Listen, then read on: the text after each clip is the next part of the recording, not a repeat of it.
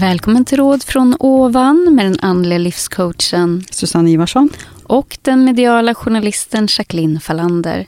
Det här är en podcast om andlighet och relationer. Vi tar upp allt från medialitet och hur man höjer sin vibration till hur man bäst hanterar svärmor och andra utmaningar i livet.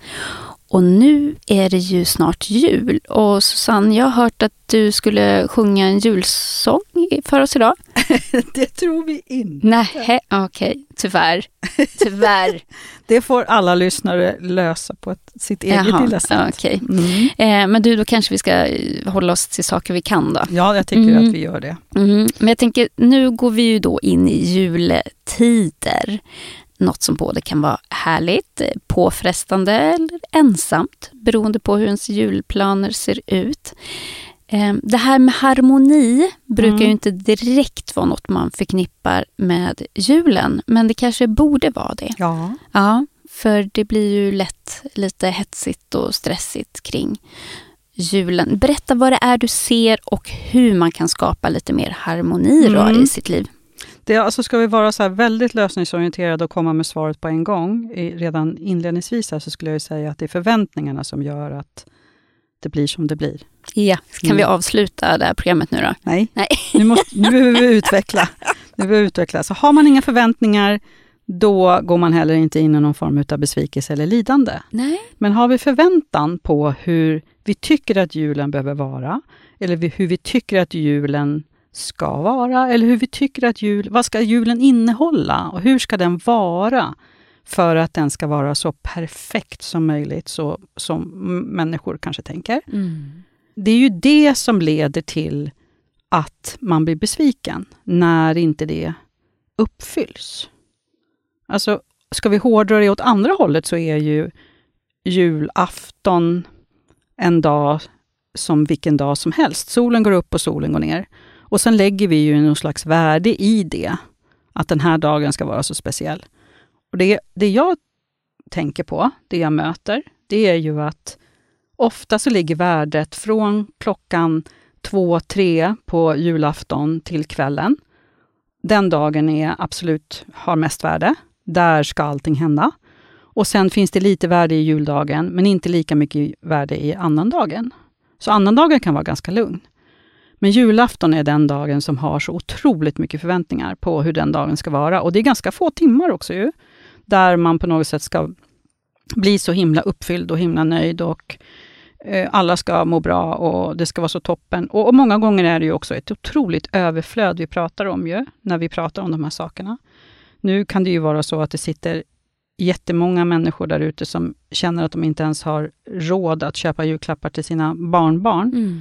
Så att de kanske inte understryker det här att det finns ett överflöd. Men i det stora hela så är det ju väldigt mycket överflöd utav liksom det man signalerar ut i samhället. Alltså det är mat och det är julklappar och, och det ska vara så otroligt mycket. Det är belysningar och det är hej och hå inför julen. Hur vi liksom förbereder den och vad behöver vara där för att det ska på något sätt, för att vi ska fira jul. Det är ju ett litet lustigt koncept någonstans ändå. Ja, och jag tänker, tänk om Jesus inte ens föddes den 24 Mm. december. Det bygger ju väldigt mycket på de teorierna. Och det är ju inte heller så här, ja men vad hände sen då? Om man bara tänker att vi firar, firar hans födelsedag den 24. Ja. Vad, vad var det vi fick ihop utav det? Liksom? Hur kunde det bli på det här sättet? Alltså, det här är ju också ett slags mönster om hur, hur man skapar den här, hur man liksom håsar upp det här på något sätt. Ja. Vad som behöver finnas här. All den här maten, all den här, liksom, alla de här gåvorna, allt kanske det här tjusiga eller dyra eller vackra eller fina resor eller allt det här ska hända just över den här julen. Det kan väl lika gärna hända en annan dag Mm. Man kan så sprida ut över resten av året Ja, nästan. eller också så kan man bara tänka sig, är det här viktigt? Ja. Jag menar, det går ju att ses och umgås. Jag tänker att det är väl det som är julen. Mm. Att man någonstans ska träffa familjen och man kanske har lite trevligt och man spelar spel och man kanske äter något gott. Och, och, men allt det här överflödet. Och, och sen vill jag väl säga också med tanke på vad jag sitter och jobbar med på dagarna, så kan jag ju säga att det inte är så himla trevligt. Alltså det är ju otroligt många människor som har jättejobbigt med sina familjer när det blir jul. Mm. För att det är så mycket konflikter. Man drar inte jämnt. Man kanske har syskon som man är osams med och som man inte pratar med. Och Var ska man fira sin jul och hur ska det se ut? Alltså det är ett otroligt mycket liksom, samtal och om hur det här ska vara på något slags perfekt sätt. Och det blir aldrig perfekt, därför att det finns för mycket liksom, negativt laddad mm. energi emellan. Det har redan skapats massa konstiga, tråkiga mönster. Eh, jag menar, jag kan träffa föräldrar som inte vet hur de ska välja var de ska fira jul någonstans, för då kan det bli det så att syskon som inte pratar med varandra, de blir avundsjuka åt båda håll. Alltså det finns så mycket intriger och mm. så mycket tråkigheter runt de här dagarna. Ja, det är som att det ställs på sin spets det, då ja, det gör under verkligen julen. Det. Ja, det gör verkligen det. För det ska ju liksom på något sätt verkligen vara så där tindrande fint och härligt och kärleksfullt och så, de här bilderna som vi har. Och den är ju inte, den rimmar ju inte med om vi bara tar varför vi firar jul. Jag tänker om vi firar jul utifrån de religiösa texterna, att Jesus hade sin födelsedag men vadå? Han födde sin krubba enligt historien. Det var väl inget överflöd där? Hur, vad hände egentligen med utvecklingen här hos oss? Ja. Att det skulle bli så himla... himla alltså det är ett otroligt överflöd tycker jag. Mm. Mm. Och då är ju frågan det här hur man då kommer bort ifrån all den här förväntan och alla måsten. Mm. Eh, för det är ju samtidigt om du själv Jag kan ge som exempel, något år firade vi jul utomlands, bara mm. liksom min, mm. min familj. Mm. Och det var nog den lugnaste, skönaste julen ja. någonsin. Ja. Och jag tänkte så här, åh, så här skulle jag vilja ha det varje jul. Alltså jag kan ju säga att jag har gjort lite likadant. Um, men nu, har ju, nu är det ett antal år sedan. Men jag har ju rest väldigt mycket och luffat väldigt mycket och varit ute i långa perioder. Och då kunde det vara så att jag, de åren jag visste att mina barn skulle fira med sina, sina pappor, då eh, valde jag helt enkelt att sticka iväg. Eh, och eh, då åkte jag med kappsäck, alltså ryggsäck och bodde väldigt spartanskt på olika ställen och var ute ganska många veckor. För att helt enkelt inte vara i julen. Mm. Så, att, så det där är ju också ett val att göra. Alltså, jag, jag tänker att människor alltid har ett val att göra, hur de tänker att de ska tillbringa sin tid. Eh, vi får ha respekt för att vissa människor känner sig otroligt ensamma, för de har kanske inte någon familj som de hänger samman med. Det kan ha hänt tragiska saker eller man kanske inte har barn eller mm, man har ingen kontakt med sina släktingar. Det kan ju vara massor med olika omständigheter som gör att, att man känner sig extra ensam över jul. Då tänker jag att det är jättebra om man eh, i så fall eh, engagerar sig på något sätt och gör någonting för andra. För det kan ju fylla en med någonting. Och, och jag lovar också att man överlever eh, julafton, även om man sitter själv hemma. Jag har prövat flera gånger. Eh, lyssnarna där ute kanske säger att, men du har väl, har väl aldrig, du vet inte vad du pratar om, därför att du har ju tre barn. Jo, men jag har levt, jag har haft julafton själv många gånger, då jag har suttit själv hemma i mitt hem och eh, tittat på TV, och det har jag överlevt. Så det här med liksom vad vi behöver ha i de här dagarna någonstans, Eh, jag tänker att det kan vara bra att ifrågasätta de här sakerna mm. lite. Eh, och fundera över hur behöver det se ut egentligen för att det på något sätt ska bli en värdig jul. Jag kan ju tycka ibland att det blir väldigt ovärdigt med allt som behöver finnas där för att det på något sätt ska vara en jul. Mm. Återigen det som du har pratat om innan, nämligen att gå sin egen väg utan att nödvändigtvis följa liksom den kollektiva vägen. Ja, och så tänker jag ju så här att har man inga gamla föräldrar, vilket jag inte har, mina föräldrar och mina morföräldrar, farföräldrar, de finns ju inte i livet längre. Jag menar, har man det fortfarande så finns det ju en tillhörighet i familjen som gör att man per automatik kanske liksom åker och besöker sina anhöriga över julen. Men om man inte har det, Um, om det verkligen är så att man är så ensam så att man inte har tillgång till något, liksom, något mönster som man tillhör eller en naturlig tillhörighet, då skulle jag säga att det är bra att liksom, söka sig. Om man mår väldigt dåligt i det, då tycker jag man ska söka sig till någon form av tillhörighet. Och där kan ju till exempel Svenska kyrkan vara bra de har ju mycket aktiviteter under en julafton. Eh, det kan vara fina konserter och det kan vara julspel och alla möjliga sådana saker. Och sen finns det ju andra utövare som, som jobbar väldigt mycket under julen och det är Stadsmissionen och Röda Korset och, och, och Frälsningsarmén och så. Om man känner att man vill bidra på något sätt till andra människor som kanske också då är ensamma och till och med utslagna på mm. något sätt. Eh, så jag tänker att det alltid finns saker vi kan göra, för jag tycker också att det man glömmer bort väldigt många gånger, och det är allt vi pratar om här i podden, det är ju att vi har ett eget ansvar. Och vi har ett eget val i hur vi tar oss an livet. Jag tycker ofta att jag möter i människor att de inte liksom har ett eget val. Utan de, det är liksom mer som att de åker runt och bara blir kringfösta i hur man lever sitt liv. I min värld så har du ett val hela tiden.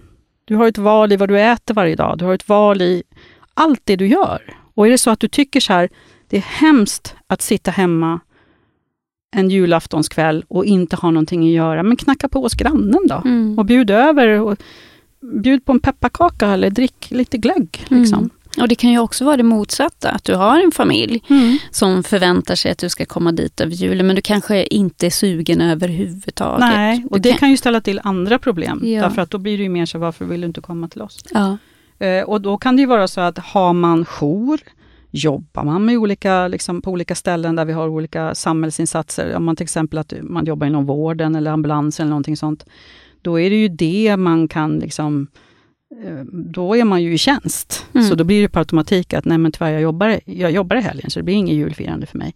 Och där har vi ju många, därför att vi behöver ju upprätthålla någon form av ordning här. Det skulle inte vara så härligt om alla som körde ambulansen gick på julledighet, utan det, det, är ju, det behövs ju finnas människor där hela tiden. Mm. Men du, det är ju inte bara jul som mm. är på ingång, utan även eh, nyår. 2024. Mm. Mm. Hur känns det energimässigt? 2024 energimässigt skulle jag säga lätta lite när vi kommer framåt våren. Ja. Just nu så tycker jag det känns lite som en propp i alltihopa. Att det liksom, men det har väldigt mycket med alla människors rädslor att göra, upplever jag. Uh, rädsla för stressen runt julen och rädslan för världsläget och rädslan för räntehöjningar och inflation och alla sådana saker. Uh, men jag skulle säga att det, det ljusnar lite när vi kommer mot sommaren. Mm. Energimässigt ja. pratar jag om då. Ja. Och sen om vi tänker att man ska prata lite om människorna, alltså vad tänker du att 2024 skulle vara för någonting? Mm. Så tycker jag ju alltid att man någonstans ska fundera över sitt, på sitt eget inre klimat, hur det är. Det här med att liksom fundera över hur man själv mår och vad själen säger och vad man längtar efter och hur man kan liksom ta sig själv i en utveckling mot någonting som är lite mer harmoniserat istället mm. för att mm. leva i kaos. Ja, och jag tänker att om man tar tag i det som skaver här och nu mm. istället för att bara liksom köra på, mm. så slipper man kanske gå in i en livskris som annars kommer om man fortsätter leva på ett sätt som inte går i linje med det ens själ längtar efter. Ja, någonstans så kan det ju vara så att själen på ett eller annat sätt rätt bryskt faktiskt, ibland, kan skaka om för ett uppvaknande. Mm. När man upplever att det inte går längre, eller när man upplever att man har stängt av sig själv för länge. När man eh, kanske till och med får en diagnos och blir deprimerad, eller något annat. Eh, att de mönsterna man går runt i och som han hanterar sig själv i inte längre fungerar. Så det här med att tänka på vilka mönster man har och fundera över vad som är sunt och vad som inte är sunt, är väl otroligt klokt och friskt att fundera på vad har jag för beteende och hur gör jag mot mig själv? För det här handlar ju väldigt mycket om relationen till sig själv. Mm. Så när ni har ätit upp julmaten, då kan ni sätta er i något hörn och fundera över mm. era liv. Mm. Eh, men jag tänker ju att, att nyår eh, kan ju kännas lite grann som en ny start. Mm. Ofta gör det ju det. Mm. Och det ser vi väl också i människors beteende att många Är det då folk strömmar in till dig och vill få ja, hjälp med allt det kan absolut jobbigt? vara så, men det kan också ligga på ett väldigt fysiskt plan. Det är ju att alla börjar träna i januari. Ja. Och sen så mattas det där nere och så slutar man att träna någon gång där i mars-april. Så, att, så att jag tror att man liksom många gånger går in i en nystart, men man kanske tänker att det är så tydligt eftersom det blir ett nytt år. Ja. Men egentligen skulle du ju kunna ta en nystart varje dag om du ville. Det behöver ju inte vara 2024 för att man ska kunna ta en nystart. Man kan ju bestämma sig nu, här och nu, att från och med imorgon så ska jag äta bättre mat. Eller Mm. från och med imorgon så ska jag bestämma mig för att jag går ut på min lunch istället för att sitta kvar och, och, och prata jobb med mina kollegor till exempel. Det här handlar ju hela tiden om att försöka göra bättre val för att man själv ska må bättre. Mm. Tänk att det kan vara så svårt. Eller enkelt. Eller enkelt. Mm. Jag upplever att människor tycker att det är svårt. Därför att de hela tiden fastnar i gamla mönster. Mm. Jag var ute på en, eh, en arbetsplats här och pratade stress för några veckor sedan. Och då frågade jag, det här var en grupp människor som jag inte hade jobbat med förut, så det var en helt ny grupp. Och de var väl kanske en tiotal personer. Och eh, alla upplever sig väldigt stressade. Och då skickade jag bara ut en fråga så här, hur många tar en promenad på lunchen? Det var ingen som gjorde det. De stressåt, de stressade över lunchen.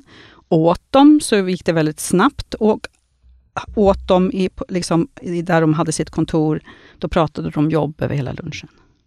Mm. Mm. Så det här med liksom, någonstans att göra medvetna val på hur du ska må bättre. Jag påstår att du mår inte bättre om du jobbar, om du sitter på lunchen på din rast och pratar jobb.